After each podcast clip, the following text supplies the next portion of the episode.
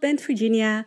Leuk dat je naar mijn eerste podcast luistert. In deze podcast wil ik mezelf aan je voorstellen en iets meer vertellen waar ik over schrijf en waar mijn workshops over gaan. Mijn workshops en blogs gaan over persoonlijke presentatie. Ik zal iets meer vertellen wat ik bedoel met persoonlijke presentatie. Hiermee bedoel ik je houding, gedrag, maar ook de manier waarop je je kleedt.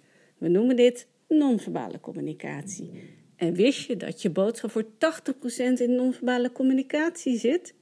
Dit is ook de reden waarom ik je hiervan bewust wil maken. Omdat het namelijk een groot effect heeft op je omgeving. Zoals je privéomgeving, maar vooral ook je werkomgeving. Want mensen reageren meer op je non-verbale communicatie. Ik ben dagelijks veel in contact met mensen en kan goed aansluiting vinden met bijna iedereen. Dit komt omdat ik in één oogopslag zie wie de ander is. Ik kijk dus ook naar non-verbale communicatie. Het zijn namelijk krachtige boodschappen die je uitstraalt, maar waar je niet altijd bewust van bent. En daar wil ik verandering in brengen.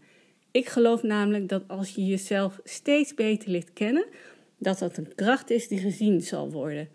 Het is te zien aan je uitstraling, want je straalt zelfverzekerdheid uit, maar ook vertrouwen.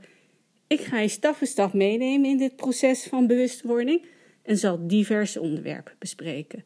Denk aan kledingstijl, kleur, maar ook je lichaamstaal.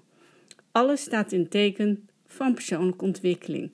Mijn motto is: bekend kleur en laat zien wie je bent.